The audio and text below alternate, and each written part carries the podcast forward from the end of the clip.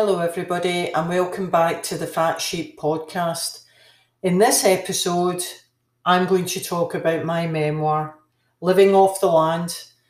Now, this is a true story of how I managed to finally make my dream come true and live the rural life on a small holding in Cornwall.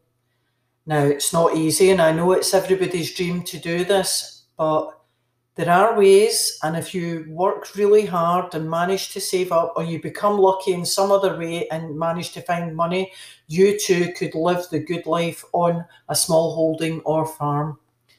Today, I'm going to read out the introduction to the book, which will give you a real flavour of the memoir itself. So, living off the land, my Cornish Small Holding dream. And this is the introduction. Do you ever have a recurring dream? No, not the one where you're stark naked in a crowd of people. A wonderful dream where you are finally content, at peace and happy because you've finally achieved that thing that you have been searching for. You may have been working towards it for many years, but it's always been just out of reach, elusive, tangible, but you can't quite get there. If you've had a dream like this, then you might be able to understand my recurring dream. It's sunny. I'm working in the orchard outside a cottage with whitewashed walls.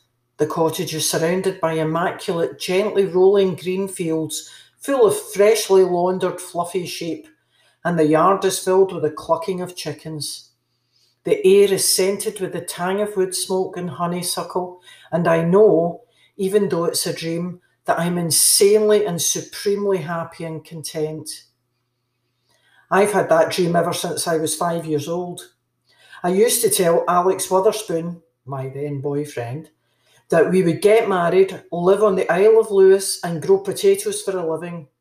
None of that ever happened, thank God, and I'm sure he's eternally grateful. In fact, the thought of any of this coming true fills me with horror. But I have to tell you that to the secret admiration of some of my cousins and friends, the despair of my mother, and frequent embarrassment of my children, I managed to live my dream. This is the real story about how I dragged my new husband and children from Glasgow to rural Cornwall, started a small holding, ran a success, successful cider making business, and finally overcame the crushing obstacle of an agricultural occupancy condition. It's been a period of my life crammed full of failures and successes, of making new friends, living in a stunningly beautiful and historical part of Britain, and having some of the most memorable experiences of my life. It's also been a journey of self discovery, fulfillment, and of heartbreak and doubt. My children are adults now, pursuing their own very different careers, but they tell me they have some wonderful memories of living in Cornwall. Living on a small holding can be exhilarating, exasperating, expensive, and exhausting. Just to live simply requires you to simplify your life substantially, reduce your wants, and work with nature. It's not a choice for the faint hearted. You really have to want to live this lifestyle. The modern practice of permaculture is a broad reworking of this idea, and the COVID 19 pandemic has made the world respect all farmers, growers, and food producers, big and small. This book has no pretensions to being a model for idealised small scale farmer farming. It is simply a fond, very personal recollection about my journey towards living sustainably on a small holding in Cornwall. Some of the names have been changed to protect anonymity, but this is a true story. For readers who fancy starting their own smallholding journey, you really need to read my first book, The Sustainable Smallholder's Handbook. It's a wonderful life.